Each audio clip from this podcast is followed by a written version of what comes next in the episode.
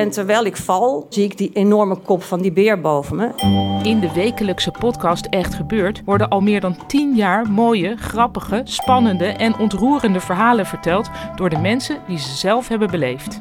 Het regende bommen, dat wil zeggen, om de zoveel tijd ontplofte er een bus. Er zijn al meer dan 400 afleveringen van Echt Gebeurd verschenen. Dit is geen sjamaan, dit is een achterhoeker. Abonneer je nu op Echt Gebeurd in je favoriete podcast-app. Hallo en welkom bij de Grote Podcastlas. In deze podcast nemen drie geografen je elke aflevering mee naar één land. Aan de hand van een aantal vaste thema's in drie blokken vertellen we je de mooiste verhalen en de meest opvallende feitjes. Ik zit hier met collega-geograaf en politiek junkie Leon Boelens en cartograaf en topografie-nerd Max Gerritsen. Mijn naam is Hugo Noordman en dit is de Grote Podcastlas.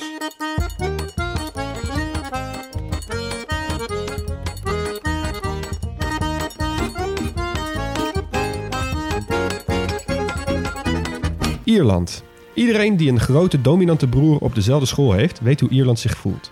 Met het Verenigd Koninkrijk naast je is het makkelijk om ondergesneeuwd te worden. Maar Ierland heeft niet veel moeite om zijn eigen persoonlijkheid onder de aandacht van de rest van de school te brengen. Alle klasgenoten weten dat groen zijn lievelingskleur is, dat hij graag harp speelt en dat het vaak regent bij hem thuis. Maar ze weten ook dat hij thuis een eigen pub heeft. En vooral dat laatste vinden ze leuk. Om het gasten naar hun zin te maken, hebben de meeste van hen inmiddels ook zo'n klein pubje in precies dezelfde stijl. Maar wat speelt er nog meer achter de Ierse voordeur? Dat gaan we uitzoeken. Aan het einde van deze podcast beantwoorden we drie vragen. Waar moeten we dit land verbellen als wij een probleem hebben? Wat zouden we missen als het ophoudt te bestaan? En wat zouden wij doen als we één dag in dit land zouden zijn? Nou heren, we zijn, eh, we zijn live. Ja, Ja, Even voor de luisteraar. We nemen deze podcast steeds eh, per twee op, omdat het nou eenmaal makkelijker is met spulletjes sturen. Maar eh, ik vroeg me af, hebben jullie al een beetje mooie reacties gehad na onze livegang? Ja best, wel, best wel veel positieve reacties toch wel. ja. Zal ik er eentje noemen? Ja, noem eens wat dingen. Nou, ehm, even misschien leuk om te zeggen. We hebben natuurlijk de eerste aflevering opgenomen over Colombia. En we hebben Rob. Rob die, eh, die mailde vanuit Colombia. Leuk informatief. Twee opmerkingen. Eén, eten is geen haute cuisine, maar het is oké en goedkoop. Twee, las mujeres. Het is het land met de mooiste vrouwen ter wereld. Hm, Dankjewel Rob. Niet eens genoemd. Eh, klopt. Ik heb een opmerking van, eh, van Koen. Koen die zegt, eh chille podcaststem heb jij. Hij ergert zich normaal bont en blauw aan de andere stemmen, maar die van mij is top. Nou, bedankt Koen. Ja, Karel vanuit Vietnam, die, eh, die zegt... Boys, super vet. Regelmatig hardop gelachen. Eh, ze zijn hier overigens wel redelijk trots op koffie. Want eh, in onze Colombia-aflevering hebben we gezegd... dat Vietnam nogal bocht maakt als het op koffie aankwam. Waarbij koffie met rauw eigeel de delicatesse is. Ik verheug me nu al op eh, aflevering over Vietnam. Eh, mij niet bellen. Eerst, serieus, best wel lekker. Ja? Ja, het is, het is wel het, een hele machtige koffie is. Oké, ja. Nou, verder nog eh, even Jelmer, die eh, zei... Ja, echt mooi gedaan. Amigos, ehm, leuk om jullie een keer iets interessants te horen zeggen. Ben ik niet van jullie gewend. Eh, bedankt Jelmer. We hebben ook nog een opmerking van Jaap. Die is daar zelf in 1972 geweest. En toen was het eten ook al niet heel veel soeps. Maar volgens hem is er inmiddels wel gelukkig een hoop veranderd. Ja, Martine die is verliefd op de stemmen van eh, Max en Leon. En eh, vroeg zich af of jullie nog vrijgezel zijn. Ik geloof daar helemaal niks van. Als ik jouw stem hoor, dan denk ik... Het is toch echt zo. Maar eh, ik heb er helaas al moeten teleurstellen. Helaas Martine. Dankjewel, Martine. Goed. Nou, ja, zullen we, zullen we van start? Ja, mannen. Ierland. Man, man, Ja. man. Dit land. Ik zie hier in ieder geval een breed lachende Leon Boelens. Ja. Heel veel zin waarschijnlijk om dit uit te gaan zoeken. Nou, dit, ik weet niet hoe het met jullie zit. We hebben het hier natuurlijk net al even kort over gehad. Maar hoe, hoe we in godsnaam dit land in één uur gaan proberen te proppen... wordt echt een uitdaging. Ja. Nou, Zij- opschieten dan. Zijn jullie er geweest eigenlijk? Ik ben er geweest. Jij ja. bent er redelijk recentelijk nog ja, geweest. van vijf jaar geleden of zo. Ja. Ik nooit. Jij niet? Nee, het is echt een hiaat in mijn nou ja, West-Europese reisgeschiedenis eigenlijk. Ik ben er drie keer geweest. De laatste keer is wel, wel 16 jaar geleden. Ehm, en ik ben eigenlijk... Ik ben nooit in Dublin geweest. Ik ben alleen maar op het, eh, op het platteland geweest. Oh joh. En Ierland was toch in mijn tienerjaren wel een van mijn favoriete landen. Nou, is het best makkelijk om eh, eh, alleen maar op het platteland te zijn in Ierland. Want volgens mij hebben ze daar buiten Dublin weinig aan grote steden. Ja, daar gaan we even over beginnen. Want het paspoortje. Alle basisinformatie over het land. Nou, we beginnen met de ligging. Eh, Ierland is het einde van Europa. Dus ga je naar het westen vanuit ons, dan kom je na Groot-Brittannië eigenlijk alleen nog maar Ierland tegen. Ierland is een eiland. eh, en het is zowel een eiland als een land. Dus het eiland Ierland bestaat uit het land Ierland plus Noord-Ierland. En Noord-Ierland is weer deel van het Verenigd Koninkrijk. Volg je hem nog? Het heeft dan ook maar één grens. Het Verenigd Koninkrijk. Nou, de oppervlakte is anderhalf keer Nederland en het aantal inwoners is iets meer dan 5 miljoen. En de hoofdstad is Dublin, wat de meeste mensen misschien wel weten. Dublin, echt een hele beroemde stad voor zo'n klein land. In de stad wonen zelf niet zoveel mensen, uh, ongeveer net zoveel als in Den Haag. Maar inclusief voorsteden kom je toch op bijna 2 miljoen mensen. En uh, afhankelijk van de definitie kun je dus zeggen dat een derde tot de helft van de Ieren in Groot Dublin woont. De andere grote steden heb je eigenlijk alleen Cork, uh, iets meer dan 100.000 inwoners, net zo groot als Alkmaar ongeveer. En de religie is het katholicisme. Yeah. Ongeveer driekwart van de Ieren is katholiek. Daar gaan we denk ik nog vrij veel over hebben deze ja, aflevering. Dat denk ik wel, ja. En de taal is Iers en Engels. En ook dat is een mooi contrast. Ook daar gaan we het wel even over hebben. En ja, Iers is echt een andere taal dan Engels. Het is een Keltische taal, ook wel Gaelic genoemd. Uh, het is verwant aan Schots, Welsh en Bretons. En Bretons ken je natuurlijk van de taal die ze in Bretagne in Frankrijk spelen. En ook de waar Groot-Bretagne vandaan komt. Engels is eigenlijk wel steeds belangrijker geworden over de eeuwen, maar uh, er is weer een tegenbeweging gaande om Iers te leren. Dus het wordt nu wel op school onderwezen, maar wel als een vreemde taal. Dus weinig mensen spreken Iers als moedertaal. Nou, qua achternamen is Ierland ook best wel een classic land. Want je hebt natuurlijk Murphy, je hebt Kelly, je hebt Byrne. Iets verderop in de lijst kom je dan ook O'Brien, O'Connor, O'Sullivan, O'Neill en O'Connell tegen. En die Ierse achternamen die beginnen of vaak, dat is heel karakteristiek, ze beginnen vaak met Mac en met O. Dat is O'Sullivan en Mac Gregor bijvoorbeeld. Nou, Mac betekent zoon van. Dus eigenlijk hetzelfde als uh, son bij ons. Hè? Dus uh, ik heet Gerritsen, dus ik zou eigenlijk Mac Gerrit heten. Vind ik eigenlijk veel leuker. ja, Mac Gerrit. Mac Gerrit. Klinkt ook wel ik heet, als een Ik heet Boelens, wat ook van Boelens zoon komt. Ja. Ik zou ook gewoon Ah, Boelens ja. heten. Met Boel. En O dan? Ja, O is kleinzoon van. Dus het is nog een generatie verder terug. Dus dat, dat is iets wat wij niet, zo, niet zoveel hebben. Om af te sluiten, de vlag is een driekleur met verticale banen. Je hebt het groen, wit en oranje. Eh, groen staat voor katholicisme. Eh, oranje staat voor het protestantisme. En is eigenlijk in de vlag terechtgekomen ten tijde van Willem van Oranje. Nou, dus ze gebruiken oranje eigenlijk als een verwijzing naar Willem van Oranje. Hey. En het wit ertussenin staat voor de vrede tussen die twee. Nou, eh, het staat niet op de vlag, maar wel even goed om ehm, te benoemen. Ierland heeft twee symbolen, twee nationale eh, symbolen. De harp, die hebben ze eigenlijk vanaf de 13e eeuw al. En het klavertje 3. En ik denk dat het klavertje 3 een hele mooie brug is naar de introductie van het land.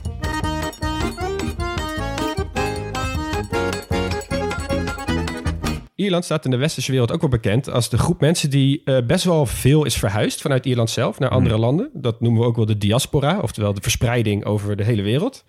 Ehm, en eh, ook meteen een bizar feitje voor jullie. In 1890 woonde 40% van de in Ierland geboren mensen in het buitenland. Wow. Dus, dus dat is dus, betekent dus eigenlijk dat er in die periode daarvoor superveel Ieren zijn verhuisd vanuit Ierland. Natuurlijk naar de nieuwe wereld in, eh, in de Verenigde Staten. Maar dus ook landen als Argentinië waren populair. En vooral ook richting het VK, dus richting Engeland. Oh ja. Ehm, en wat zei jij nou net in het paspoortje? Ierland heeft hoeveel mensen nu? 5 miljoen of Ja, zo? 5 miljoen ongeveer. Ja, in 1841 hadden ze, doe eens een gokje, hoeveel inwoners? ja, ik heb het gelezen ergens. Iets van 8 miljoen? Ja, 8 miljoen. Hè? Meer dan 8 miljoen inwoners. En nu, hè? Nu 5. Ik denk dat er weinig landen zijn die, eh, Die in de eh, afgelopen eh, 200 jaar juist zo'n krimp van de bevolking hebben Ja, meegemaakt. zeker omdat ze nu niet per se heel erg krimpen. Sterker nog, zij staan dus derde op de lijst van de meest vruchtbare landen van Europa. Ja. Ja, dus, maar goed. Maar dat is dus even een feitje tussendoor. Eh, nu claimen, er zijn onderzoeken zijn natuurlijk heel lastig te doen, maar ongeveer 80 miljoen mensen wereldwijd een Ierse afkomst. Waaronder de 36 miljoen Amerikanen die Iers als hun primaire etniciteit claimen. Maar zij worden, vind ik een heel leuke bijnaam, ze worden dus ook bijvoorbeeld door de Amerikanen ook wel gekscherend de plastic paddies genoemd. Plastic paddies. Ja, dat ze dus paddies is een beetje de bijnaam van een Ier. Eh, en een plastic paddy is natuurlijk een nep paddy, oftewel een nep Ier. Ah. Nou goed, waarom zijn Ieren in de rest van de wereld nou vooral beroemd en ook misschien wel enigszins berucht? Dat is denk ik drank, pubs en St. Patrick's Day. Ja. St. Patrick's Day, hebben jullie wel eens St. Patrick's Day gevierd? Nee. Nee. ik heb eigenlijk ook geen idee wat het precies viert. Nou, als je ik hebben- weet dat het één groot groen festijn is. En daar houdt het ook wel een beetje op. Ja, dat is. Wij hebben het in onze intro over wat is een Koningsdag. Nou, als je het hebt over een, een fatsoenlijk alternatief tot Koningsdag, dan heb je het wel over St. Patrick's Day. Dus elk jaar op 17 maart. Eh, en ik neem jullie even mee in de geschiedenis van St. Patrick's Day. Eh St. Patrick is, zou geboren zijn in Wales, dus niet in Ierland. Dat is al meteen een heerlijke eerste, eerste feitje voor in de Irish Pub voor volgende week. Ben ik eh, nationale importheld. Precies. Hij werd als eh, jongen van 16 werd hij door Ierse heidenen als slaaf uit het eiland gebracht, dus naar Ierland gebracht. Eh, daar werd hij schaapsherder, leerde hij Iers en toen had hij zogenaamd een visioen van God. Toen kon hij vluchten. Toen is hij dus naar Bretagne gevlucht. Daar heeft hij alles geleerd over het katholicisme. Is hij helemaal opgeleid als een soort verspreider van het geloof. Is hij teruggegaan naar Ierland. Heeft hij daar honderden kerken gesticht en het geloof naar Ierland gebracht. Vervolgens moest hij de heidense Ieren, die nog nooit met God of Christus of iets in aanraking waren gekomen, uitleggen wat de heilige drie-eenheid was van de Vader, de Zoon en de Heilige Geest. Ja. Dat deed hij aan de hand van? Ja, van de klaver. Van een klaver, een klavertje drie. Oftewel, zoals ze hem zelf daar noemen, de shamrock. Dus eh, als iemand ooit met een klavertje 4 aankomt zetten als nationaal symbool van eh, Ierland, dat is dus onjuist. Het is alleen het klavertje 3. Ehm, daarmee heeft hij dat uitgelegd. Ehm, en de traditie van het dragen van een shamrock op 17 maart gaat dus echt terug tot aan het begin van de 18e eeuw. Dus echt 1700 zoveel. Sindsdien vieren zij dus eigenlijk al St. Patrick's Day. Heel cool. Dat is best mooi, want tegenwoordig is de allergrootste St. Patrick's Day parade in New York. Je moet eens een keer foto's daarvan opzoeken. Misschien zet ik die wel even op de socials trouwens. Hoe gigantisch die parade is met allemaal opblaasbare Ieren. En Nou, dat is logisch, want als ik het goed begrijp, dan wonen er in New York waarschijnlijk meer Ieren dan in heel Ierland. dat denk ik wel, ja. en in Boston, daar eh, kleuren ze die hele rivieren altijd knalgroen. Ja. Eh, Boston is wel, denk ik, wel de meest Ierse Amerikaanse stad, toch? ja, dat, dat Boston Celtics komen daar natuurlijk ook vandaan. NBA-team. Ah, ja. De Celtics moet je het volgens mij zeggen. Oh, Sinds, Boston eh, ja, Celtics. van de Ieren moet je de Celtics zeggen, geloof ik. Dat Ja. makes sense. Maar ehm, ken je die ehm, bewakers die voor het Koningshuis van eh, Engeland staan om de koningin te beschermen? Die Ja. altijd zo stil moeten Ja. staan. Die bestaan dus uit verschillende guards. Dus je hebt de Scottish Guard, de Welsh Guard, maar je hebt dus ook de Irish Guard. En die staan daar dus onder andere tussen. En op St. Patrick's Day worden zij dus gewekt door hun meerdere. Krijgen ze dus allemaal gunfire. En gunfire is niks anders dan zwarte thee met rum om wakker te worden. En daarna krijgen ze van de koningin of de prinses van die klavers, weet je wel, van die bosjes klavers op hun muts getaped of vastgemaakt. Ja. Eh, en dan mogen ze daar eh, eh, de hele dag mee paraderen. En dan vieren ze zeg maar het Ierland in Engeland. Wauw.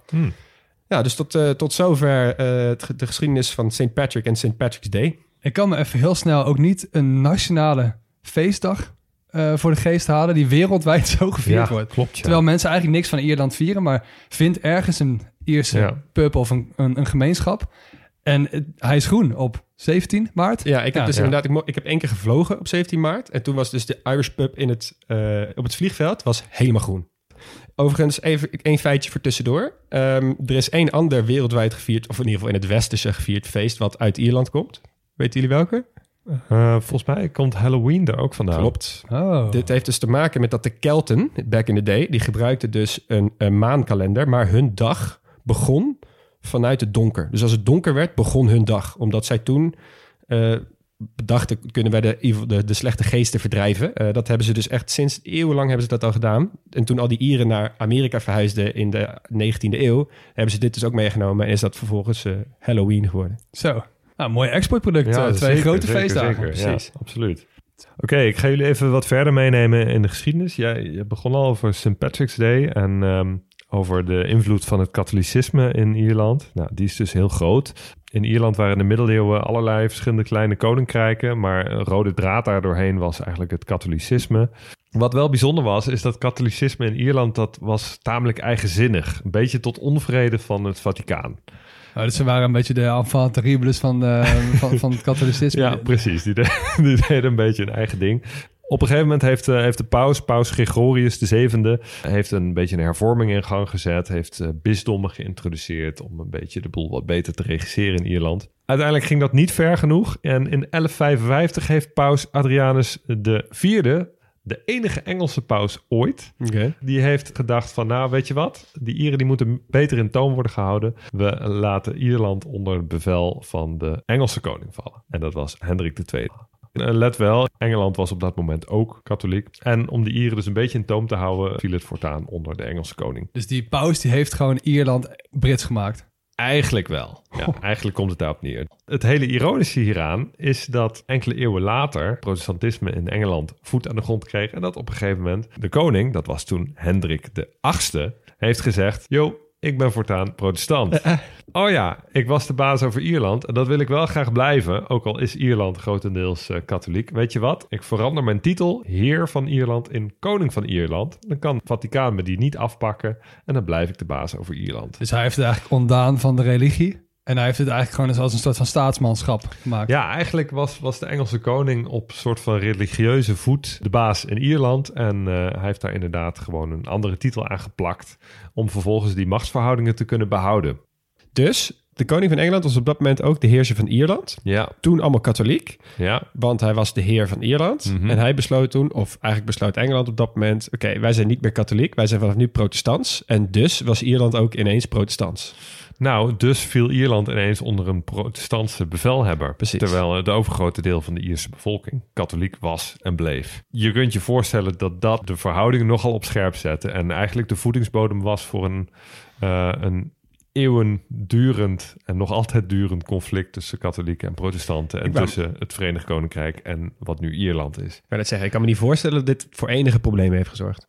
Dan gaan we even iets verder door in de geschiedenis. In de 19e eeuw was eigenlijk die situatie nog onveranderd. Ierland viel onder de Engelse kroon.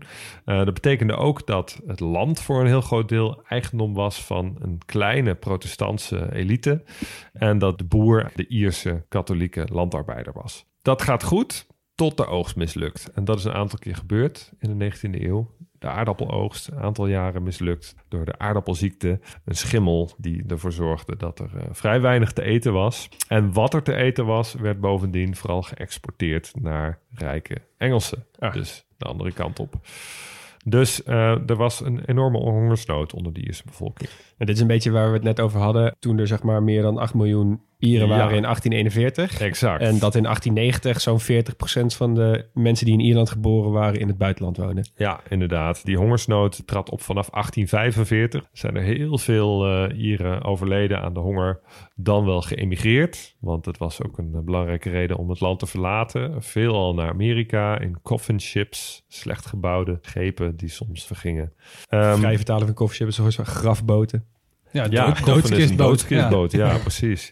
Het woord voedseltekort is ook een beetje omstreden in deze context. Omdat er dus ook wel wordt gezegd van ja, er was eigenlijk helemaal geen voedseltekort. Het kwam vooral neer op een hele oneerlijke verdeling van het voedsel. Tussen de arme katholieke bevolking en de, rijke landlords. Engelse protestantse bovenlaag. Nou, in die tijd was ook de kwestie van, van wie is het land... was eigenlijk veel belangrijker dan de vraag van... willen we nou meer zelfbestuur? Het zat de Ieren veel meer dwars dat de landeigenaren vooral Engels waren. Maar goed, dat was wel voedingsbodem voor meer en meer Iers nationalisme. En de hang naar onafhankelijkheid die werd sterker en werd ook gewelddadiger. Er kwamen meer aanslagen. Aan het begin van de 20e eeuw kwam er ook steeds meer bereidheid vanuit Londen om mee te denken over wat meer Iers zelfbestuur. De Eerste Wereldoorlog die heeft daar wel nog voor wat vertraging gezorgd. Iedereen werd opgetrommeld om mee te vechten. Iedereen werd opgetrommeld mee te vechten. En bovendien was het niet helemaal onomstreden. Want we hebben het de hele tijd over, over de katholieke bevolking in Ierland. Maar er was intussen ook best gewoon een significant protestants deel in Ierland. En het uitbreken van de Eerste Wereldoorlog was nou niet het moment om die verhoudingen heel erg op scherp te gaan zetten. Dus pas na de Eerste Wereldoorlog werd het weer een beetje vlot getrokken en volgden er meer en meer aanslagen. Op een gegeven moment kregen de Ierse nationalisten ook wel door dat ze het met geweld niet konden winnen en moesten ze gaan onderhandelen met Londen. En uiteindelijk was het resultaat van die onderhandelingen dat Noord-Ierland onderdeel bleef van het Verenigd Koninkrijk. Met Dus het, gebied rond, ja, het gedeelte met de protestantse meerderheid rondom Belfast. En dat de rest van Ierland zelfstandig werd. Wanneer, wanneer was dit? Eh, dit is in 1921 is het zover gekomen. Het is vlak na de Eerste Wereldoorlog. Ja, en toen waren ze onafhankelijk. Ja, En je zou zeggen, nou, dan, dan, dan is het wel klaar. Maar het was helemaal niet klaar. Nee. Want toen begonnen de Troubles. Niet toen al, tijdens de onafhankelijkheid, maar wel in de tweede helft van de 20e eeuw. Dat is ook wel een conflict dat wij zelf misschien ook nog wel kennen. Hè, Het, Ja. het is heel dicht bij huis, maar het is wel echt een bloedig conflict geweest. Ik wil nog even stilstaan bij de naam The Troubles. Want hoe kun je iets zo klein maken wat eigenlijk zo groot is? Nou goed, het klinkt onschuldig, maar dat was het eigenlijk helemaal niet. En eh, eigenlijk is de Troubles een benaming voor de burgeroorlog die daarna in Ierland is losge- losgebarsten. En eigenlijk is de inzet altijd Noord-Ierland geweest. Vanaf 1968 ongeveer, toen werd toch duidelijk dat niet iedereen even blij was met die scheiding. Want er woonden nog best wel wat katholieken in Noord-Ierland, ook al was het overwegend protestants. En de katholieken woonden in Ierland, in het zuidelijke deel. En de protestanten woonden in het noordelijke deel. Zo, zo was de meest makkelijke scheiding. Maar was natuurlijk helemaal niet zo makkelijk. Eh, je had best wel wat katholieken wonen in Noord-Ierland. En de vraag was wat daarmee te doen. En je had de Unionist, die wilde bij het Verenigd Koninkrijk horen. En je had de Nationalist, die dachten: hé, hey, er is maar één Ierland. Wij willen gewoon met elkaar één eiland zijn. Ja, Want die mensen horen ook gewoon bij ons. logisch. Ja. Dat was de inzet. En die inzet werd bevochten door twee partijen. Aan de ene kant was dat kant van het leger, hè, van de Unionist. En de Nationalist was het de IRA, hè, de IRA, zoals Ja. we die hier kennen. De. Irish Republican Army. En die vochten eigenlijk tegen elkaar. En eigenlijk ehm, was dat een soort guerrilla-oorlog. De, de IRA die pleegde aanslagen eh, op eh, zowel burgerdoelwit als, eh, als op het leger. Even voor de, voor de luisteraar. Een soort een guerrilla-org is eigenlijk een, een strijd tussen een, een legermacht en eigenlijk ongeregelde strijders. Ja. Dus zeg maar dat je probeert om, zo, om zoveel mogelijk een, een, een legermacht probeert te ontregelen via nou, kleine aanslagen. En, en Zagen we bijvoorbeeld bij de FARC en dat, bijvoorbeeld de Vietnamoorlog is ook een heel goed voorbeeld ervan. Ja. Ja. goed, dat vind je over de hele wereld. Zo ook de IRA, die pleegde dus heel veel aanslagen. Ehm, en eigenlijk kwam dat tot een dieptepunt in Bloody Sunday. Bloody Sunday was eh, een zondag in 1972. wereldberoemd gemaakt door U2. Zeker, door een, een liedje van U2 inderdaad, ook Iers. En 13 katholieke jongeren werden doodgeschoten door het leger. En dat was zo'n dieptepunt dat de politieke kant van de IRA, Sinn Féin, die werd ontzettend populair. Hè, want er werden aanslagen gepleegd op hun mensen. Dus Ja. die, Ja. die politieke partij werd steeds populairder. En uiteindelijk is dat conflict, heeft dat zo lang geduurd... omdat er gewoon af en toe een aanslag was. Het was ontzettend bloedig, maar het was niet een strijd die gewoon elke dag voortduurde. Er waren geen legers op de straten Nee. die elke dag Daar, daar heb veldslagen je een uitvoeren. term voor, toch? Ja, low-level war Ja. noemen ze dat. Is dat nu gewoon een soort eeuwig aanwezige angst voor... Ja, zo'n een aanslag voortsluimerend conflict. Het was echt dus een stadsguerrilla. Dat was de manier waarop er gevochten werd. In Belfast speelde zich dat met name af, Met toch? name, ja, je hebt ook nog wel wat andere steden in, eh, in, in Noord-Ierland waar het probleem was. Maar op een gegeven moment werden er zoveel aanslagen gepleegd... dat dat ook wel iets deed met de populariteit van de IRA en Sinn Féin. En op een gegeven moment vonden mensen het wel echt genoeg geweest. En toen eh, daalde hun populariteit ook heel snel. Nou, uiteindelijk dwong dat ze ertoe om toch maar te onderhandelen met de Britten. En uiteindelijk is daar het Goede Vrijdagakkoord uitgekomen in 1998. Wanneer, wanneer is dat eh, afgesloten? 1998. En op welke dag? Op Goede Vrijdag.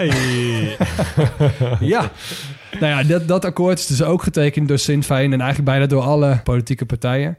En eigenlijk is dat, wordt ook wel gezien als het eind van de Troubles. Troubles heeft uiteindelijk 3.500 mensen het leven gekost. En eigenlijk in dat Goede Vrijdagakkoord werden de voorwaarden van, van het eind van het conflict vastgelegd. Dus voorwaarden als eh, de toekomst van Noord-Ierland werd eh, bepaald door de eh, meerderheid van de Noord-Ierse bevolking. Nou, in dat geval overwegend protestants, dus bleven in principe bij het Verenigd Koninkrijk. Maar er was ook wel een, een zachte grens, waardoor Ieren en Noord-Ieren makkelijk eh, de grens over konden naar elkaar. En het was het streven om binnen een paar jaar ook alle wapens het land uit te krijgen. En in ieder geval alle paramilitaire organisaties op te doeken, zoals de IRA.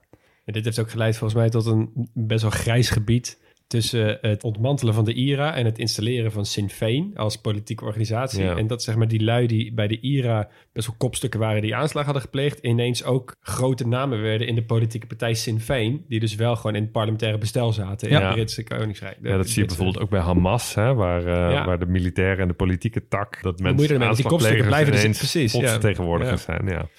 Ja, nou goed, en die IRA die, die heeft zichzelf in 2005, heeft die, hebben ze de strijd gestaakt, kun je wel zeggen. Eh, echt op een nationale tv-toespraak. Best een historisch moment geworden. Maar Sinn Féin, de, de politieke tak, die is dus in de, de verkiezingen van 2020 weer de grootste partij geworden. Dat Dus zal ook wel een beetje ver- verband houden met de brexit en, eh, en denk de, ik wel, de ja. spanning die de brexit veroorzaakt heeft op dat Goede Vrijdagakkoord. Ja, dat wordt wel gezegd. En kijk, eh, op het moment dat de Brexit... Kijk, de Noord-Ieren zijn nooit fan geweest van de Brexit.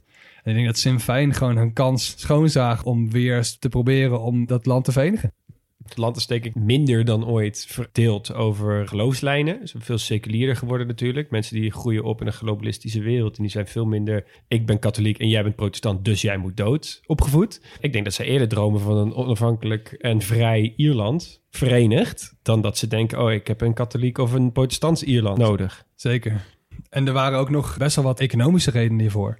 Hè, want er is heel lang dat deal or no deal Brexit. eh, Dat issue heeft heel lang gespeeld van wat doe je nou met die grensovergang? Ja. Ja. En uiteindelijk is besloten daar om de grens, zoals gehanteerd in het Goede Vrijdagakkoord, om die te blijven hanteren, zodat mensen dus toch makkelijker de grens over konden. Dat betekent uiteindelijk dat de Britten verantwoordelijk worden voor de controle van de handel in en uit dat deel van hun eigen land. Ja. Dus zij moeten eigenlijk de grens van spullen en handel moeten ze gaan bewaken tussen Noord-Ierland en de rest van het Verenigd Koninkrijk.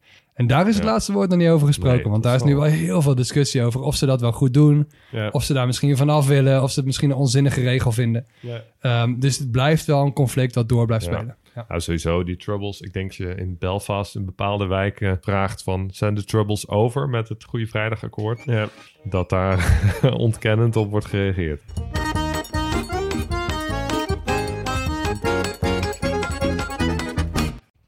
Stop de podcast. Je vakantiegeld komt eraan, dus het is tijd om jouw reis te boeken. En onze sponsor van vandaag heeft een dikke kortingscode. En die sponsor van vandaag is Sawadi, niemand minder. Dit is een reisorganisatie en vakanties zijn natuurlijk duur, dus dit aanbod is extra interessant deze tijd. Ik vind dat altijd een mooie organisatie, Sawadi. Ja, ik ook wel. En Ja. ze bieden verschillende soorten eh, groepsreizen aan.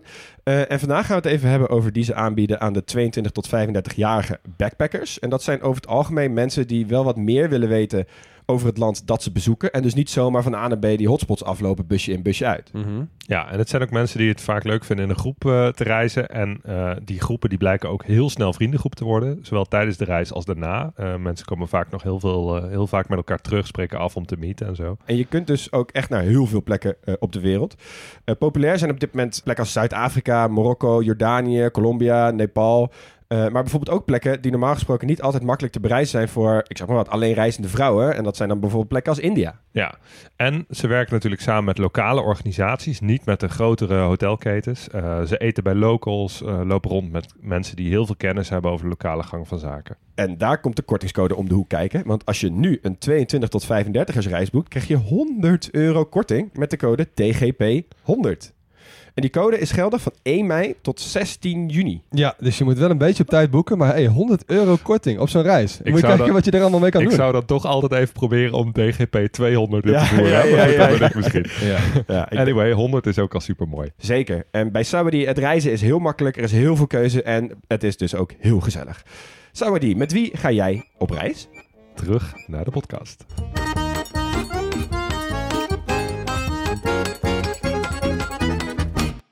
Hey Huug, wil jij ons uitleggen waarom groen nou de nationale kleur is van, eh, van Ierland? nou, ik, ik moet bekennen dat ik niet helemaal zeker weet of het, of het verband houdt met hoe het land eruit ziet. Ehm, maar goed, daar mag je op zich wel van uitgaan. Ja, Ierland is, eh, is heel erg groen. Heeft ook een beetje de, de uitstraling van een uitgestrekt, woest, maar vooral ook ongerept gebied. Maar dat laatste is dus helemaal niet waar. Ierland is het meest ontboste land in Europa. Hè? Echt? Ja. Meer dan IJsland? Ierland was, eh, was ooit onder enorme bossen bedekt. En eh, nu is nog maar 10% van het landoppervlak is bebost. Dat is net zoveel als welk ander Europees land? 10% zei je? Ja? Ja, daar komt Nederland niet aan, toch? Nederland. Oh, serieus? ja. Is dat toch nog 10%? Ja. ja, en daarmee zijn Nederland en Ierland de minst beboste landen procentueel in, eh, in Europa. Wauw. En dan even de Gibraltars en de Monaco's uitgezonderd. Maar ja, dat is dus inderdaad best wel bijzonder. En van die 10% is ook nog eens 8% conifere bossen. Die helemaal niet van nature groeien in Ierland, maar gewoon heel handig zijn voor de bosbouw.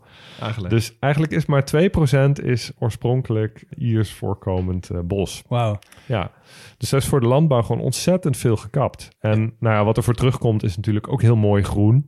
Eh, dus het ziet, er, het ziet er wel tof uit, maar het is niet zo ongerept als je in eerste instantie zou denken. Ik stel me Ierland altijd voor dat als je daar gewoon... Stel je pakt een auto, je gaat gewoon ergens heen rijden, maakt niet uit waarheen. Dan rij je door, door glooiende, groene, grassige heuvels. Met Ja. allemaal van die stenen muurtjes. En, en op een gegeven moment ben je gewoon bij de zee. En dan ga je ergens anders heen. En dan is het precies hetzelfde. Ja, En dat is ook heel mooi hoor, daar niet van. Maar het regent natuurlijk superveel. Dat ga je ook wel vertellen, vert- vertellen waarschijnlijk.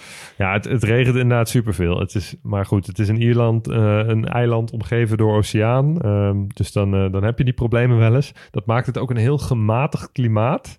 Ehm, dus het is, het is er eigenlijk nooit heel koud, maar ook nooit heel warm. Het is in Ierland nooit meer dan 30 graden geweest, bijvoorbeeld. Ja, ter- terwijl het gewoon op dezelfde breedtegraad ligt als, eh, als wij. Nog niet, inderdaad. Het is in Ierland nooit warmer geweest dan 30 graden. Nee, nee. En het vriest er eigenlijk ook bijna nooit. En dat komt gewoon omdat eh, zeewater heel langzaam zich aanpast aan de temperatuur van, van het seizoen. Dus zeewater is in de zomer best koel en in de winter best wel warm, Warm, ja. relatief. En als je dus omgeven bent door zeewater, dan heb je altijd een tamelijk gematigd klimaat. Dus hoe verder van zee af, hè, midden in Rusland bijvoorbeeld, echt een landklimaat, heb je veel grotere verschillen tussen zomer en winter. In Ierland heb je dus precies het tegenovergestelde. Een heel, heel matig klimaat. Gaan we het ook even hebben over biodiversiteit. Colombia hebben we, hebben we de hemel ingeprezen vanwege de biodiversiteit daar. Ierland is dus niet zo heel biodivers. Nee, Nee, ehm, geen kolibries. nee en dat heeft ook wel een, een mooie, mooie oorzaak. Ierland ligt op het continentaal plat van Europa. Dat is eigenlijk gewoon een. eh, het, maakt gewoon onderdeel uit van de plaat waar Europa op ligt. Het eh, liggen geen diepe zeeën tussen het Europese vasteland en Ierland. Dus in de laatste ijstijd lag er heel veel water opgeslagen in ijskappen. En lag Ierland dus gewoon aan Europa vast. Nou, op een gegeven moment werd het warmer, gingen die ijskappen smelten, ging de zeespiegel stijgen en werd Ierland ineens een eiland. Maar op dat moment was het klimaat van Ierland wel nog heel koud. Dus daar le- leefden allemaal beren en mammoeten en allemaal beesten die in een veel kouder klimaat kwamen leven. Nou, het werd steeds warmer, dus eh, die beesten gingen op een gegeven moment uitsterven. En vervolgens, omdat Ierland op dat moment al een eiland was door die hoge zeespiegelstand, konden andere landdieren vanuit de rest van Europa zich niet verspreiden naar Ierland, zoals in de rest van Europa wel eens gebeurt. Ierland heeft bijvoorbeeld maar 26 zoogdiersoorten. Hè? 26? Eh, ter vergelijking, in Nederland heb je er 77. Ook niet echt een land wat nou enorm bekend staat om eh, biodiversiteit. En natuurlijk veel dicht bevolkter is. Ik vind 77 ook best wel weinig eigenlijk. Ja, ik ook. Maar ik zou ze ook niet alle 77 kunnen noemen. Ja, maar Nee. goed, eh, Nederland is natuurlijk wel een van de meest verstedelijkte gebieden in de wereld. Hè? Zit de Ja. wolf hier al bij? De wolf zit er zeker bij. Ja, maar, ja, maar in Ierland niet 77, gewoon dingen als een bever en zo, dat zijn toch ook gewoon allemaal zoogdieren? Ja, maar noem er nog een 76. Ik veel. Doe maar niet eigenlijk. Ze hebben ook maar één reptiel, de hagedis. Ze hebben- Eén? ja, dat is wel echt een vette hagedis, toch? Ja, Is hij groen? Eh, ja, is goed, ja. Geen slangen dus ook bijvoorbeeld. Er zijn maar vier amfibieën, dat zijn padden en dat soort dingen. Nou, vogels en vissen heb je veel meer, want die kunnen nou wel vliegen of zwemmen. Dus die hebben geen, eh, geen last van eh, het feit dat Ierland een eiland is. En dat geldt ook voor de flora, dus de planten. Die zijn wel tamelijk rijk in Ierland, want plantenzaadjes, die kunnen zich gewoon door de lucht verspreiden. Die kunnen in stormen best wel ver worden Dus ook die hebben er niet zoveel last van dat Ierland op een gegeven moment een eiland is geworden. Nou, Heb, heb jij ook nog de, de Cliffs of Moher gezien? Of mogen, Die, ja, die heb ik mogen- gezien, maar een beetje onbewust. Ik ben er later achter gekomen dat ik daar, eh, daar gekampeerd heb, onderaan die cliffs. Maar ik, cliffs- was, ik was op fietsvakantie, dus ik was met eh, andere dingen bezig dan met eh, kliffen bekijken. Ja, het is wel een van de meest eh, belangrijke toeristische attracties in, eh, in Ierland. Ja, ik heb ze Ja. gezien. Wij zijn toen eh, in eh, Dublin, hebben we toen een autootje gehuurd. Toen zijn we eigenlijk in één dag naar de andere kant van Ierland gecrossed. Over die wegen daar zijn we uitgestapt, hebben we de Cliffs of Moher gezien. Een rondje gelopen, weer in de auto gestapt en waren net op tijd terug voordat die hele tent dicht was om onze auto weer in te leveren. Oh joh. Eh, maar het was het helemaal waard. Het is echt prachtig daar. Best een mooie roadtrip. Zeker een mooie. Ik kan het iedereen aanraden. Voor de luisteraars trouwens, als je Leon spreekt over Ierland, ehm, ben, wees wel bereid op een kleine imitatie van het Ierse accent. Try your best. Ik altijd heerlijk. Ja, goed. En voor de rest, het toerisme. Waar kun je nou allemaal heen in Ierland? Ierland kreeg 10 miljoen toeristen in 2019. Best wel veel. Eh dat is ongeveer twee keer zo te veel toeristen als inwoners. Er zijn niet heel veel, heel veel landen van die orde van grootte. Nederland bijvoorbeeld, wij krijgen iets meer dan onze eigen aantal inwoners. Dus toerisme is eigenlijk een relatief grote factor. Ook al Mhm. associeer je Ierland niet meteen met massatoerisme. Maar bijvoorbeeld de Lonely Planet heeft het ge- gerankt als, eh, als world's friendliest country. Nou, dat is natuurlijk heel gezellig. Ik kan me ook wel iets bij voorstellen bij Ierland natuurlijk. Dit is serieus waar. Ieren zijn echt allerliefste volk op aarde. Ja, en ik heb, daar gebeurt je ook niks. Nee. Ik bedoel, er zijn blijkbaar maar hoeveel zoogdieren om je, om je op te eten? Niet zo heel veel. Wel, als je 26. protestant- Als je protestant. Landzoogdieren, hè? Ja, nou goed, eh, die, die kans is dus wel vrij, vrij klein. Ja, voor de rest, je kunt naar Dublin Castle, je kunt heel veel kastelen. Eh, je kunt naar Temple Bars, eigenlijk een soort wijkje met superveel live muziek. Ja, Ga daar niet heen. Nee, dat, ho- dat hoor ik ook. Zeg, Echt een, zoals ze dat zo goed noemen, een tourist trap. Oftewel, als je daarheen gaat, wij dachten, het Temple Bar, dat klinkt als een bar waar je heen gaat. Maar Temple Bar is dus een wijk. Ja. En daar, zitten, dus, daar komen alle ehm, hoe heet die dingen ook weer? Die eh bachelor parties in het Nederlands. Die vrijgezellenfeesten. Al die vrijgezellenfeesten die komen daar inderdaad. En het is echt verschrikkelijk. Iedereen is daar dronken, loopt op straat, te- kruipt over straat. Ja. Nou ja, je kunt wel naar, naar, naar de Guinness Brewery natuurlijk. Naar de, Ja. naar de brouwerij van het bier dat wij nu aan het drinken zijn. Lekker Smaakt me eigenlijk best wel lekker, moet ik zeggen. heerlijk bier. Ja, het is ook wel weer lekkerder dan ik, dat het in mijn herinnering was. Ja. En eh, ja, natuurlijk kun je daar natuurlijk heen voor St. Patrick's en voor heel veel andere live muziekfestivals. En dat zou wel echt een van de redenen zijn waarom ik wel een keer naar Ierland zou willen. Omdat er blijkbaar in, in elke kroeg zit zoveel live muziek. En nou ja, we gaan het zo meteen wel even over cultuur en over de muziek hebben. Een hele sterke muziekcultuur. Maar als we het hebben over toerisme in Ierland, dan wil ik eigenlijk ook even een uitstapje maken naar Ryanair. Want die komen daar natuurlijk ja, vandaan. tuurlijk. Ja. Ja. Ryanair is de grootste prijsvechter ter wereld. Nou, dat zal je misschien niet verbazen. Maar het is ook een van de weinige prijsvechters die daadwerkelijk winstgevend zijn. Aha. Dat doen ze wel goed. En nu heb ik even een quizje voor jullie.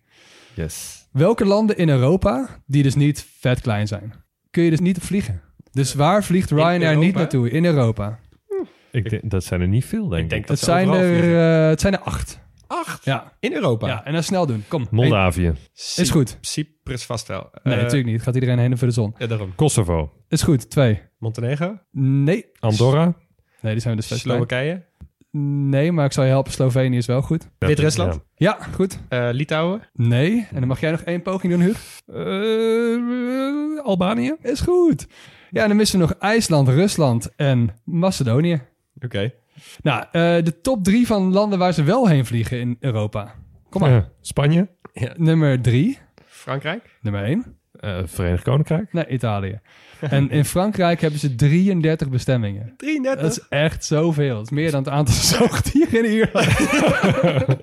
nou goed, hoe komt Ryanair nou zo winstgevend? Dat is best leuk om, om daarover na te denken. En ik ben echt een, een nerd qua luchtvaart, logistiek. Ik vind dat echt een hele interessante business. Eh, Ryanair heeft bijvoorbeeld heel veel vliegtuigen gekocht na 9-11. Toen de luchtvaart in een gigantische dip zat. Kon je even heel goedkoop kon je vliegtuigen kopen. En Ryanair vliegt ook altijd met dezelfde vliegtuigen. Allemaal, ze hebben allemaal dezelfde vliegtuigen omdat het veel goedkoper is in de onderhoudskosten en in de opleiding van je, van je personeel bijvoorbeeld. Nou, dit soort trucjes hebben ze dus heel veel. Dus gemiddeld doen ze dus maar vijf jaar met een vliegtuig. En daarna worden er weer nieuwe gekocht, want de technologische verandering gaat zo snel dat het altijd loont als het gaat om brandstofbesparing. Ze vliegen dus niet op dure airports. En dat vind ik wel een hele, hele interessante. Oh ja. Dus die proberen ze zoveel mogelijk te als je naar mijden. Barcelona gaat, dan vlieg je eerst naar Girona. Exact. En Ja, als- naar Milaan vliegen ze eerst de bus. Bergamo. En naar Londen vliegen ze op Stansted en Luton. Zeg maar, dat niet ja. naar Heathrow. Ja. Want die kosten gewoon heel veel geld om daarop te kunnen landen. Ja. En wat ik eigenlijk de in, meest interessante vind, is dat die vliegtuigen van Ryanair dus zoveel mogelijk constant in de lucht zijn. Ze hebben gemiddeld maar 25 minuten. Ja, daar, daar hebben ze altijd heel veel 25 winst tot op 40 inderdaad. minuten Ja, staan die vliegtuigen stil. stil. Ja. Ja. en dan gaan ze weer. En Echt. ze hebben dus bijvoorbeeld ook geen bagagezak in de stoel voor je, want die moet je na een vlucht weer schoonmaken. Oh ja. Dat soort dingen. Echt, ik vind alles verwerpelijk. Ik vind ook alles Echt. verwerpelijk. En juist omdat het zo verwerpelijk is, ook wel weer mateloos interessant. Want het Het grappige is bizarre dus... uit was van de hele kapitalistische... Ja, ik, ik heb bijvoorbeeld systeem. een voorbeeld Ja. gelezen van een lijnvlucht die binnen 24 uur van Brussel naar Kopenhagen, naar Brussel, naar Praag, naar Brussel, naar Nîmes in Frankrijk, Zuid-Frankrijk, naar Brussel, naar Treviso vliegt bij Venetië. Wow. Dat deed ik heel In snel. 24 uur? Maar dat doen ze dus in 24 uur. Wauw, oké. Ja. Dus dat En vliegtuig... elke keer als je landt weer dat, dat domme bandje met dat applausje dat ze geland zijn. Ja. Another Ryanair flight on time. Verder, op die vliegvelden zijn bijna geen medewerkers. Je betaalt eigenlijk niet voor de, voor de kosten van eh, levende ziel die, je- die aan het helpen is. En je betaalt altijd voor de ingecheckte bagage. Nou, Ja. ehm, En ze als je gebruiken vergeten bent je boardingpas uit te printen en zo, dan... eh, Heb je al ruzie? dat soort dingen. Ze, ze doen niet aan plaatsboekingen. Dus iedereen gaat super vroeg in de rij staan. Dus je hoeft mensen niet op te, op te roepen. Nou, ga zo maar door. Als laatste over Ryanair. Ze hebben dus een CEO. Die heet O'Leary. Hoe Iers. ja. Eh, rijkste man van Ierland? Kleinzoon Eh, wel een van de, eh, ja. Kleinzoon van Leary, toevallig? Ja, ja. En die staat er dus onbekend dat hij heel vaak gewoon kleine proefballonnetjes oplaat. Waarin die, die, die luchtvaartindustrie redelijk hard opschudt. Nou, ik zal er even een paar noemen. eh, naast dat hij klimaatverandering onzin vindt. Vier intens bizarre dingen die hij even oppert. Betaalde toiletten in een vliegtuig. Want dan gaan er minder mensen naar de wc. En heb je dus maar één toilet Wegwezen. nodig. Kun je meer stoelen in een vliegtuig. Eh, staanplaatsen op hele korte vluchten. Stewardessen inzet als co-piloot op hele korte vluchten. Dus dat je maar met één piloot hoeft te vliegen. en de allerergste, vetbelasting voor dikke passagiers. Omdat ze meer brandstof kost. Dit kan je echt niet maken. Ja, proefballonnetje. Goed, nou, als je het hebt over de Ierse economie, dat is een heel interessant hoofdstukje. Ik ga hier even snel doorheen. We hebben het natuurlijk vorige week gehad over eh, Zuid-Korea als... Asian Tiger. Exact. En de Ieren zijn de Keltische Tiger. Tiger. ja. Dat komt eigenlijk eh, vanwege het feit dat ze een, een gigantische stijging in hun economie hebben gehad. In, eh, sinds de halverwege de jaren 90. Steeds richting de 10% groei. Maar dat geld moest ergens overal heen. Mensen kochten huizen, stopten heel veel geld in die huizen. En op een gegeven moment, eh, halverwege eh, de jaren nul, dus rond 2006, 2007, toen waren best wel wat Ierse economen al zenuwachtig aan het worden, omdat ze zagen, oké, wacht even, wat zijn die huizen nou echt waard? Weet je, dat geld gaat er wel in, maar wat is dat huis nou echt waard? En eigenlijk hadden ze het toen over de allergrootste hypotheekbubbel ter wereld. Dat is ook in één keer is dat echt keihard ingestort. En daar, als je een beetje terugrekent in de tijd, 2007, 2008, klapte de wereldwijde kredietcrisis volle bak overheen. Dus toen hebben de Ieren eigenlijk tien jaar lang in een soort eh, gigantische armoede moment geleefd. Heel veel bedrijven gingen het land uit. Mensen die trokken allemaal weg. Huizen werden veel minder waard. Vet veel buitenlandse investeringen kwamen niet meer binnen. Eh, en eigenlijk noemen ze het ook wel de lost decennium. Want die tien jaar, dat na, pas na tien jaar zijn ze weer een beetje teruggekomen op het niveau van waar ze hiervoor waren. Eh, maar nu begint het de groei weer heel erg aan te trekken. Eh, heeft ook te maken met de influx van buitenlandse bedrijven. Komt omdat ze een heel gunstig belastingklimaat hebben. Nou ja. Ja, dat heb Ja, ik je betaalt daar slechts 12,5% vennootschapsbelasting. Er zitten ook best wel veel techbedrijven Precies, in Ierland. hè? precies. Is Dus Ierland zeg maar, niet ook een van die landen die dan zo'n dikke naheffing aan Google wilden gaan doen bijvoorbeeld? Ja, dat moest volgens heel mij- lang zonder, be- zonder belasting hebben gezeten. Ja, vanwege de Europese Unie moest dat volgens mij inderdaad. Maar ik weet niet of ze dat uiteindelijk ook hebben gedaan. Maar als je bijvoorbeeld eh, met eh, Twitter of Facebook eh, te maken wil hebben... dan zitten die vrijwel altijd eh, Ja, in ja. Ierland. Ierland, ja. Eh, maar die gaan dus nu ook weer naar goedkopere Europese landen, richting Polen bijvoorbeeld. Eh, dus die hebben ze daar in Ierland weer last van. En ik heb zelfs een artikel gelezen die zei: Oh, we zitten op dit moment weer in zo'n extreem hypotheekbubbel. Bijna net zo erg als toen in 2008. ja. Dus, eh, maar goed, maar één, eh, één eh, aspectje wil ik je over uitlichten. Dat gaat namelijk over The Spire of Dublin. En The Spire of Dublin was eigenlijk een, een monument. Ze noemden het ook wel de Monument of Light, wat midden in Dublin staat. Een soort hele grote naald. Die wilden ze bouwen omdat ze wilden laten zien... kijk, wij zijn dus nu een Europese macht. Wij hebben geld. Wij zijn niet meer dat arme broertje van Engeland. Wij zijn echt Ierland. Het mooiste was, ze wilden dat... Het is een 120 meter hoog kunstwerk. Nou, kunstwerk, het is eigenlijk gewoon een hele grote naald. En dat wilden ze in, tijdens het millennium wilden ze dat onthullen. Midden op een plein in Dublin. Lukte niet, werd 2003. Hebben ze even drie jaar over, eh, over eh, vanwege bouwvergunningen en milieuverordeningen, whatever. En voordat dat ding daar stond, kreeg hij al briljante bijnamen. Ik zal even een paar noemen. Zoals de Stiletto in the Ghetto, The Broad to God, The Erection at the Intersection en mijn favoriet, The Stiffy by the Liffey. Wat goed. Ja, en de Liffey is dus de Ieren rivier die door echt Dublin goed loopt. in zelfspot, hè? Ja, Zo. die Ieren, ik hou daar echt van. Ik vind Ja. het ook wel mooi, want je hebt er gewoon van die lijstjes. En ja, dit vind ik dus fantastische lijstjes. Maar bijvoorbeeld dingen als de, de grootste vlaggenmasten van de wereld. Zeg maar de top 10. Die staan Ja. dan allemaal in, en ik vind in Turkmenistan, Saudi-Arabië en zo. Ja. Maar dit is eigenlijk gewoon onze beschaafde West-Europese manier om precies hetzelfde te Ja, doen. precies. Wij hebben Ja. geld. Kijk naar ons. Ja. Ja. Maar goed, maar even nog een quizje. Ehm, BBP per inwoner in, in het jaar 2020 van de Europese landen. Wie staat er op één? Luxemburg. Luxemburg staat op één, zeker. Weten jullie waarom ook? Zullen we vast in het Luxemburg-ding behandelen. Maar er werken daar dus heel veel mensen die er niet wonen. Oh ja, ik dacht dat. Dus zo stuw je dat, dat het, het, wat jij als eh, persoon aan inkomen maakt omhoog. Want er werken Ja, daar meer precies. mensen dan dat er wonen. Tuurlijk, ja. Oh, Dus, zo. ja, Oh, dus oké, net als ja, dat- ja, Net als dat bijvoorbeeld Dus je Schiermonnikoog naar had, dat een 120% eh, Precies, stem, ja. stemmen. Hè? Ja, exact. Dus als je naar het bruto nationaal product zou kijken, dan zou Luxemburg lager Misschien iets anders. Ja. Maar nummertje twee? Eh, Europese Unie, hè, zei je. Ja. Dus eh, geen eh, Noorwegen en Noor- Zwitserland. Oh ja, wacht even. Zweden? Nee, Zweden staat vijf. Zijn wij het niet gewoon? Nederland staat vier. Denemarken? Nederland, Denemarken staat drie. Ah, Tegenwoordig Europese Unie. Ja, 2020. Wie staat er op nummer twee? dat is toch geen België? Of zo? Waar hebben we het over vandaag? Oh, Ierland. Ierland. Serieus? Ja, echt van tweede.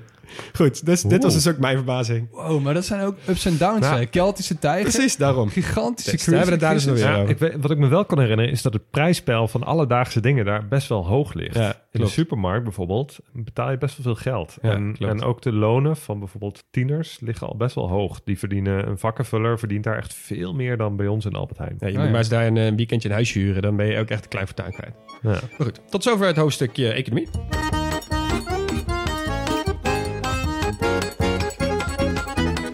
Nou mannen, we mogen het over de cultuur gaan hebben. Nou, ik heb eigenlijk heb ik me alleen even gericht op de muziek. Want Ierland en muziek is natuurlijk echt een gouden combinatie. Yep. ja.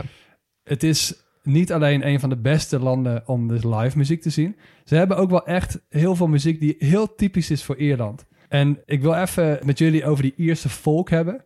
Nou, Leon, ik kom zo meteen wel even met jouw kroegbezoek in, eh, in Ierland. Want ik kan me voorstellen dat die, die kroegen daar helemaal bol van de, van de Ierse volk staan. Mm, dat klopt. Maar ik vind dit dus echt heel vet. En ik moet eerlijk zeggen, tijdens het voorbereiden van deze aflevering heb ik gewoon fulltime alleen maar dit soort muziek geluisterd. En ik werd er niet eens helemaal gek van. Het is eigenlijk hele melodieuze mu- muziek, vind ik. eh, die wij dus eigenlijk een beetje met de middeleeuwen associëren. Ik weet niet precies waarom.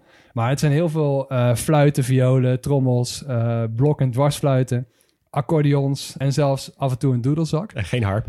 Nee, helemaal geen harp natuurlijk niet. Maar het is echt van die muziek die dan, als je het live hoort, het begint heel langzaam en dan gaat sneller en sneller en sneller. Ja. En mensen gaan op de tafels en alles. En dit is echt een reden waarom ik best wel graag een keer naar Dublin zou willen. Ja, daar hoef je niet voor de Dublin trouwens. Ik ben een keer eh, met de boot van Swansea naar Cork gevaren. Ik had geen hut, dus ik sliep eh, op zo'n stoel, eh, zeg maar gewoon boven op het dek. Net als alle arme Ieren.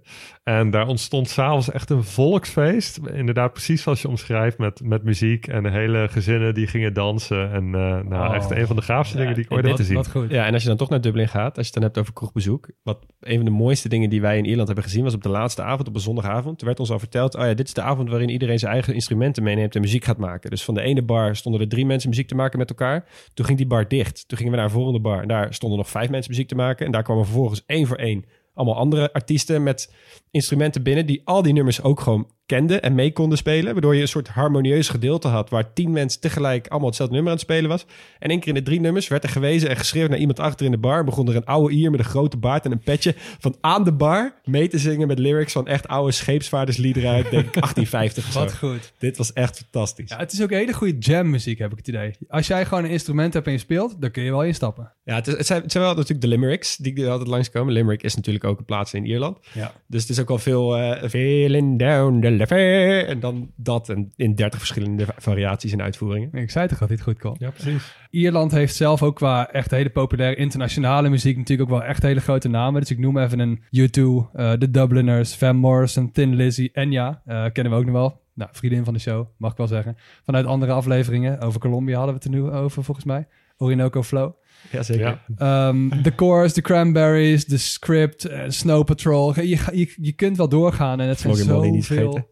Ja, Flogging Molly is dus Iers-Amerikaans. En, Ja, en dat is nog wel een, een mooie lijst eigenlijk. Want ze zeiden hoeveel? 30 miljoen ehm, mensen die zich Iers-Amerikaans noemen ongeveer. Zoiets? 35 miljoen. 35 zei ik, miljoen. ik, Nou, en dat zie je dus ook wel terug in het lijstje van Amerikaanse artiesten. Dus die ze roots hebben in Ierland. Komt-ie. Een heel kort lijstje, maar Christina Aguilera, Mariah Carey, Anastasia, Kurt Cobain, Dropkick Murphys, Elvis Presley, Fergie van de Black Eyed Peas, Alicia Keys, Jimi Hendrix, Katy Perry, Taylor Swift, Justin Timberlake, Billie Eilish, Hilary Duff, John Fogerty van Creedence Clearwater Revival, Shania Twain, Billy Gibbons van ZZ Top, James Hetfield van Metallica, Bruce Springsteen en Gwen Stefani. Wat een Dat is lijst. inderdaad een, een indrukwekkende lijst, Max. Zo, ja. Nou, dat is, als je top 2000 erbij pakt, dan kun je gewoon gaan strepen hoor. Ja, precies. Ja, precies. Mensen met Ierse afkomst. Ja, en als je het hebt over mensen met Ierse afkomst, als ik hem dan toch even mag invullen. Dit is precies hetzelfde wat ze dus hebben met, eh, in de filmwereld. Je kan hele lijsten vinden op internet met mensen die zich op een of andere manier associëren met hun Ierse afkomst. Iedereen is er ook trots op. Ja. Dus zeg maar één iemand die zeg maar een oud-home heeft die ooit een keer Iers was, maar wel in dezelfde bloedlijn zit, die zou zichzelf ook associëren als Iers. Zal ik even het lijstje afmaken dan met de andere eh, Ieren die we allemaal kennen, eh, maar dan eh, Ja, in een andere formaat? Ja, kom maar. We hebben nog een Ryan Reynolds, een Robert De Niro, Meryl Streep, George Clooney, John Travolta, Ben Affleck, Bradley Cooper,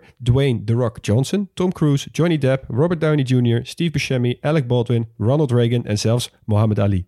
Wauw. Hoeveel van de, hoeveel van de presidenten van Amerika hebben iets van Ierse origine, denken jullie? Ja, dan moeten er krankzinnig veel Een zijn. percentage uitgedrukt. Ja, we hebben, hoeveel Amerikaanse presidenten hebben we nu? 52? 53? Volgens mij was Trump de 54ste. 54ste? Hoeveel denken jullie? Ja, nou zeker. Nou, met, eh, Nou, weet ik als veel, je- 25 of Als je zo. zo telt dan, nou, zoveel? Weet ik veel. Nou, ik denk 15. 22. Wie is de bekendste? Kennedy. Tuurlijk, John F. Kennedy. Ah. Een hele mooie documentaire gemaakt over dat ze zijn eh, ancestors gaan opzoeken uit een, een heel klein boerderijtje echt op het platteland midden in Ierland. Dat is echt fantastisch. Daar wonen de Kennedys. Cool. Ja, ze hebben best wel goed geboortes ook met z'n allen, die, eh, die Ierse immigranten daar. Kun je wel zeggen, ja.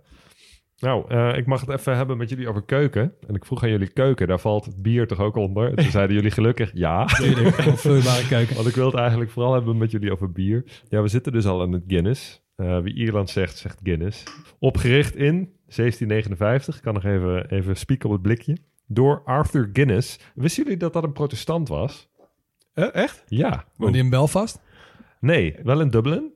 Oké. Maar de- er woonden eh, met name aan de Ierse oostkust ook best wel veel, eh, veel protestanten. Mag ook. Maar dat wist ik eigenlijk helemaal niet. Want je associeert Guinness iets met typisch Iers en dus ook wel katholiek. Maar dat is dus Ja. helemaal niet zo. Die Arthur Guinness die was heel revolutionair in zijn personeelsbeleid. Hij was ontzettend goed voor zijn medewerkers. 10 tot 20 procent meer salaris dan, dan gemiddeld voor die tijd. Een weduwepensioen, betaalde vrije dagen, wat helemaal niet bestond in die tijd. Gratis gezondheidszorg, onderwijs, van alles. Hij heeft het trouwens ook goed voor elkaar, want hij is met zijn brouwerij in Dublin gaan zitten in een pand wat leeg stond. En dat heeft hij voor 9000 jaar gehuurd voor 45 pond per jaar. Ja, dat is gunstig. Was toen waarschijnlijk best wel veel. Tegenwoordig Het staat ook midden in maken wij hè? meer onkosten aan deze podcast Ja. dan eh, Guinness heeft aan de huur van de brouwerij. 9000 jaar, zei je? voor 9000 jaar. Zo, dat is vooruitwerken. Ja, dus die hoeven zich voorlopig nergens zorgen over te maken. Nou, en, en al heel snel was Guinness gewoon echt heel groot. 1 op de 10 Dubliners was in 1930 op een of andere manier afhankelijk van de brouwerij. Dus of als toeleverancier, of als werknemer, of Wauw. als eh, tapper in een, eh, in een pub. Dus dat is, dat is gigantisch. Het logo bestaat uit de harp, Harp. het nationale symbool van Ierland. En wisten jullie dat de harp op het Guinness-logo de originele harp is? En Ja, dat ja. de Ierse staat hem in spiegelbeeld heeft moeten afbeelden Oh, zo. omdat Guinness deze eh, afbeelding al had geclaimd. Serieus. Ja. Dus eigenlijk gewoon denk aan een land met een logo. Dat het logo gewoon gecopyright is door een brouwerij. Ja, exact. Nou, heel bizar dus. Uh, wat ook wel, uh, we we hadden het erover dat uh, Arthur Guinness was dus een protestant. En uh, het, het, bedrijf heeft ook altijd best wel een sterke protestantse stempel gehad. Het was voor brouwers verboden bijvoorbeeld om te trouwen met een katholiek. Ja, echt? Ja, tot de jaren 60 van de 20e eeuw. Zo. Dus dat is nou ja, tot, tot vlak voor het begin van de Troubles. Wow, dus Um, hij, wacht even, zij, zij, hij betaalde extreem veel pensioen en dat, hij was supergoed voor zijn voor zijn mensen. Ja, Maar ze mochten niet van het verkeerde geloof zijn. Nee, absoluut niet. Ze mochten wel eh, bier verkopen aan het verkeerde eh, geloof. Sterker nog, dat werd in eh, grote mate gedaan. Nou, ook in de, in de Eerste Wereldoorlog werden werknemers van Guinness gestimuleerd om deel te nemen voor het Britse leger. Dus nou, dat is toch ook tamelijk patriotisch, terwijl er best wel veel Ieren daar niet zo welwillend tegenover stonden. Wat ook wel grappig was, in de Tweede Wereldoorlog hebben we het niet over gehad, maar toen was Ierland neutraal. Ja. En om een beetje de steun van Ierland af te dwingen, heeft het Verenigd Koninkrijk handelsrestricties opgelegd aan Ierland. Met als gevolg dat in Engeland geen Guinness te krijgen meer was. En dat leidde tot zoveel onrust onder de Engelse bevolking, dat die handelsrestricties toch maar zijn opgeheven, zodat Guinness kon worden blijven aangevoerd. Nou ja, ehm, Guinness is trouwens ook de oorspronkelijke uitgeverij van. Guinness World Book of Records. Ja, exact. Ah, natuurlijk. Is ooit bestemd om gesprekstof te leveren in, eh, in de pubs. Podcastje over maken. Ja, dat zijn Ja. feitjes. Pubs trouwens, al over gehad. Ierland is daar bekend om. Er zijn eh, net zoveel pubs in Ierland als buiten Ierland. Zo. In pubs kan je ook eten. Dus, dus in die zin gaan we het toch ook heel even over de keuken hebben. We hebben natuurlijk de, ja, de, de klassieke gerechten, klassieke pies. Maar wat ook wel grappig is, is dat dat is eigenlijk pas sinds de jaren 70 en ontstaan op toeristische plekken.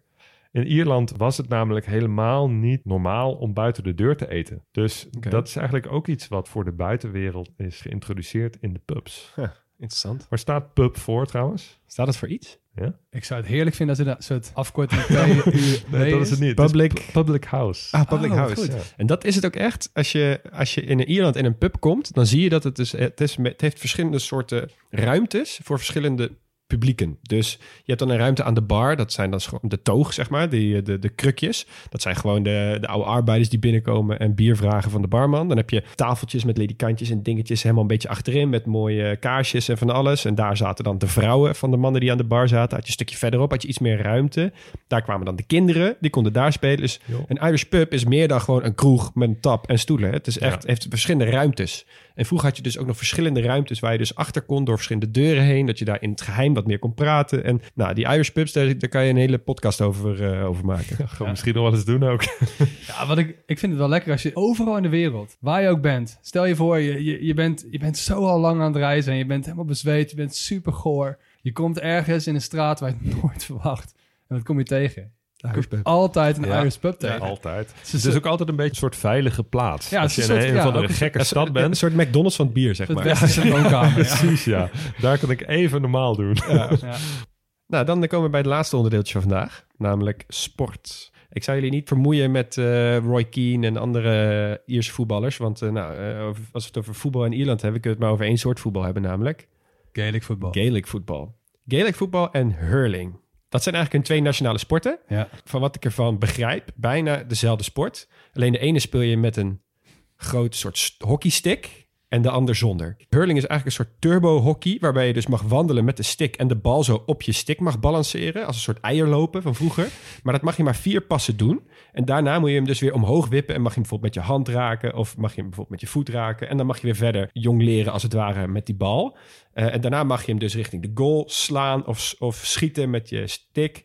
Of je mag hem er overheen. Je hebt ook een soort rugby goal. Deze sport is dus al meer dan 3000 jaar oud. En het gaat er vrij hard aan toe. Ja, Ja. maar dat, is een, dat kan ik me voorstellen. Want je mag dus midden in de lucht met hockeystick gaan Exact. maaien. Dat, is natuurlijk, dat Ja. maakt het veel gevaarlijker dan je, veldhockey precies, zoals wij je het speelt die bal dus naar elkaar over. Dus dan gooi je die bal dus hoog. En wat Ja. er dan dus vet vaak gebeurt... is dat mensen die bal proberen te onderscheppen... met die stick in de lucht. Ja, en hoe vaak zit daar wel niet een oog of een hoofd of een hand of een, of een been tussen? Ja. Als je dus googelt naar hurling incidents of hurling injuries... dan vind je ook echt vrij gruwelijke foto's vol bebloede mensen. Want die, lui- die lui hebben natuurlijk ook pas sinds kort een helm op... als ze überhaupt helm op hebben. Ja. En dat gaat vrij hard. Eh, en het, het Gaelic voetbal is dus eigenlijk een beetje hetzelfde. Het is een soort mix tussen rugby, handbal en voetbal. Dus er wordt dus ook gescoord op een voetbalmanier. Dat is dan dus drie punten voor een goal. Maar je hebt dus zo'n rugby goal. Dus van die hele lange palen boven die goal. En je kan hem dus ook daarop schieten. En dan heb je dus één puntje. Ja, ja. ja. Heb je dat versje wel eens gehoord? Welk versje? Over hurling? Nee. Ik heb dit ooit gelezen als een quote en ik heb hem er even opgeschreven, want ik vind het altijd zo'n mooi quote. Vier regels. Football, a game for gentlemen played by hooligans. Rugby, a game for hooligans played by gentlemen. Cricket is a game of gentlemen played by gentlemen. And hurling is a game of hooligans played by hooligans. Het is wel echt terecht. Als je Ja. ook nu ziet hoe die gasten in het veld staan. Heerlijk. Over hooligans gesproken. Misschien wat de allerbekendste Ierse sporter van dit moment. Hebben jullie een idee? Op dit moment? ja? Heel bekend. Oh, eh, Ja, die- Conor Conor. McGregor? Exact. Oh ja, Conor, Conor McGregor. Hij is een MMA-vechter. Kan hem herkennen aan zijn grote baard en zijn Ierse afkomst. En Ieren roepen altijd heel hard... dit is geen voorbeeld voor hoe alle Ieren zijn. Want Ja. hij is best wel ruig en grof gebekt. En niet altijd even netjes. Hij heeft toch ook die, die hele grote vleugels Ja, hij heeft, ja, hij heeft van alles en nog wat op zijn lichaam getatoeëerd, inderdaad. Had er twee Ehm, harpen van moeten maken. Man. Zo, dat was een goed Ja, idee geweest. ja. Ah, ik ben niet zo'n groot fan van hem, maar hij is wel, eh, hij is gewoon heel goed in wat hij doet. Dan nog één laatste nationale sport. En dan eh, houden we het hiermee op. Riverdance. Ja, Het is Ah, serieus ja. gigantisch en nog steeds heel erg levend, ook in de hele wereld. Riverdance is eigenlijk gewoon niks anders dan heel snel met je voeten op bewegen in een rijtje en op hele leuke folklore muziek eh rondjes draaien en dansen. ik zag dat ze dat ook Maar- als eh, uitvoering bij het Songfestival hebben gedaan. Klopt, heel vaak. Er is één algemene soort regel waaraan je kan zien dat het Riverdance is. Namelijk dat je lijf en armen onbewegelijk blijven. Dus alles wat beweegt is je onderbenen en je hoofd. Dus je, je hele lichaam Oh ja. is een soort zo stil. Ja. En je, alleen je benen zijn dus aan het Maar ze bewegen. hebben toch ook hun, hun armen vaak over op elkaar bij Riverdance? Ja, precies. Ja, Daar, daar, daar, daar kan je het inderdaad aan herkennen. Ik kwam hierbij ehm op YouTube toen ik even wat muziek aan het zoeken was over Ierland. En ik kwam hierbij en ik, ik, ik bleef gewoon maar kijken. Ja. dit, is, dit is echt fantastisch om te zien.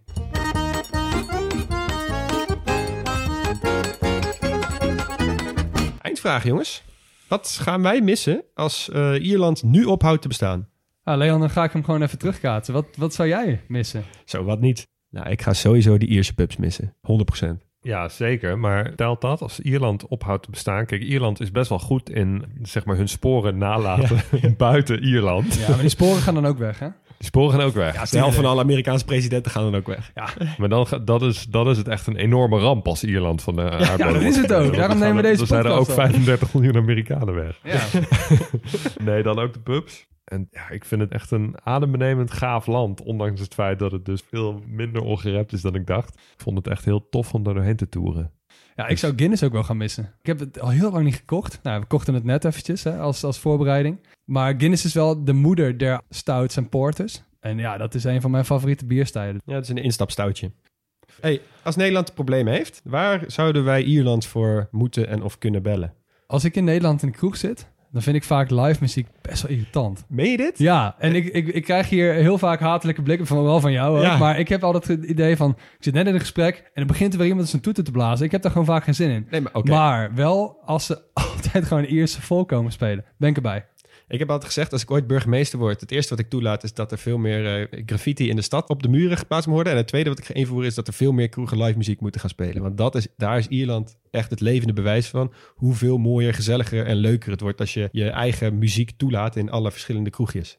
Ja, en dat die kroegen openstaan voor het hele gezin. Dat het publeven echt een soort gezinsuitje is. Veel meer dan het in Nederland is. Spreekt er zojuist eh, vader geworden Hugo Noordman die zin heeft om met zijn kind kroeg in te gaan. een beetje eigenbelang.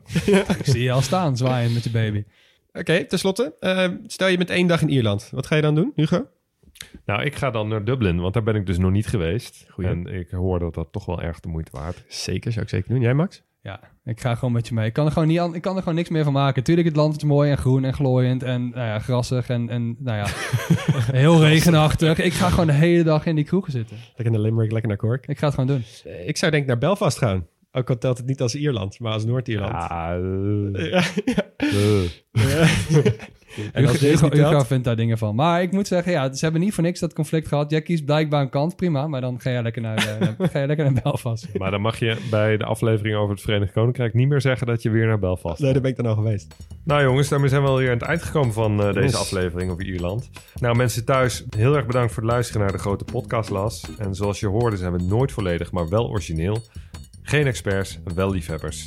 Vind je dit nou een leuke podcast? Stuur hem door naar je vrienden, familie en collega's. Vond je het nou geweldig? Dan kun je ook vriend van de show worden voor slechts 2,50 euro per maand. Daarvan huren wij onze spulletjes en verzekeren we jullie van nog meer afleveringen. Hebben we iets verkeerd gezegd of zijn we iets cruciaals vergeten? Laat het dan weten via Twitter of Instagram op @grotepodcastlas. Volgende keer reizen we naar Tunesië. Slan liet.